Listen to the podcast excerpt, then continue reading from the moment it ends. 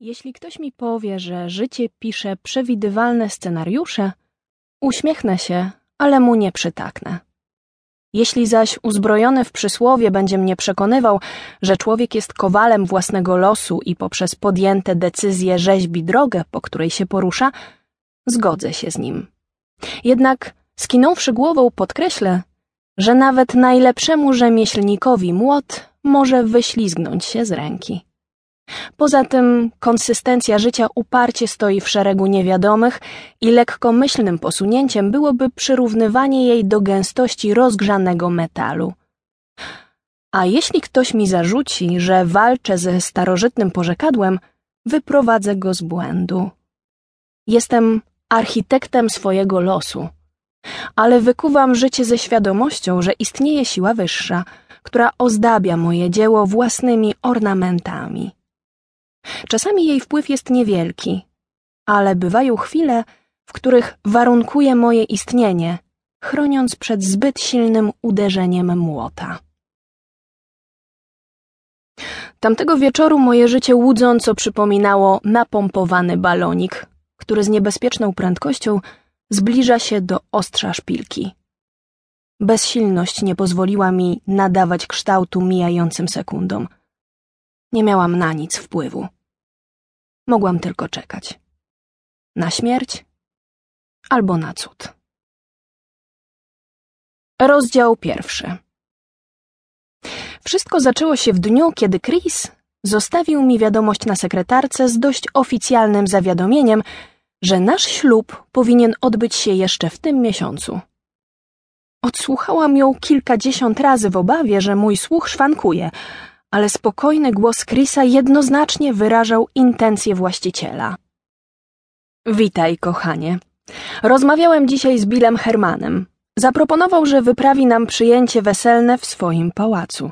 Oczywiście od razu się zgodziłem. Sama wiesz, że takim ludziom się nie odmawia. Uzgodniłem z Laurą, że koniec sierpnia byłby idealnym terminem na ślub. Zdaję sobie sprawę, że to za niecały miesiąc, ale mamy wystarczająco dużo czasu na załatwienie niezbędnych formalności. Resztę szczegółów omówimy po moim powrocie do Chicago. Pozdrawiam. Siedziałam w fotelu i przez dłuższą chwilę tempo wpatrywałam się w telefon. Pierwsza myśl była równie absurdalna, co sama wiadomość. Powinnam zacząć szukać sukni. Druga myśl była odrobinę trzeźwiejsza. Jestem w ukrytej kamerze?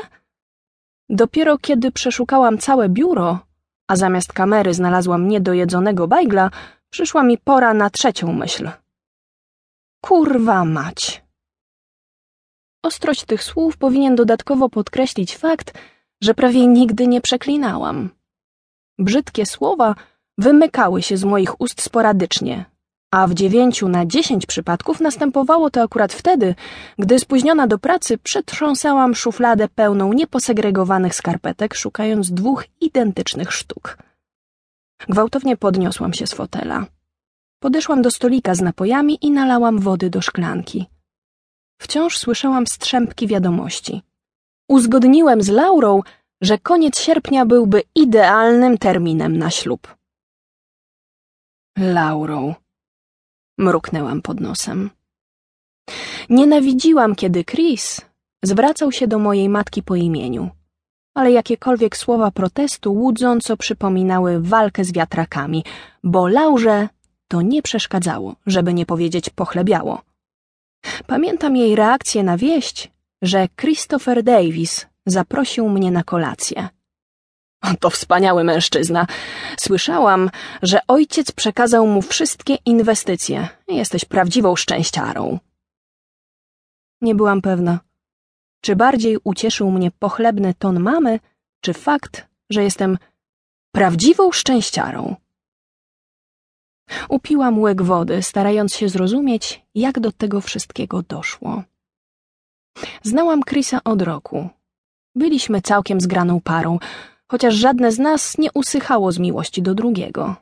To nie był sekret, ale z niewiadomych przyczyn nigdy nie mówiliśmy o tym głośno. Lubiłam jego towarzystwo. Potrafił być szarmancki i zabawny. Kobiety często rzucały mu ukradkowe spojrzenia, A ja do tej pory zastanawiałam się,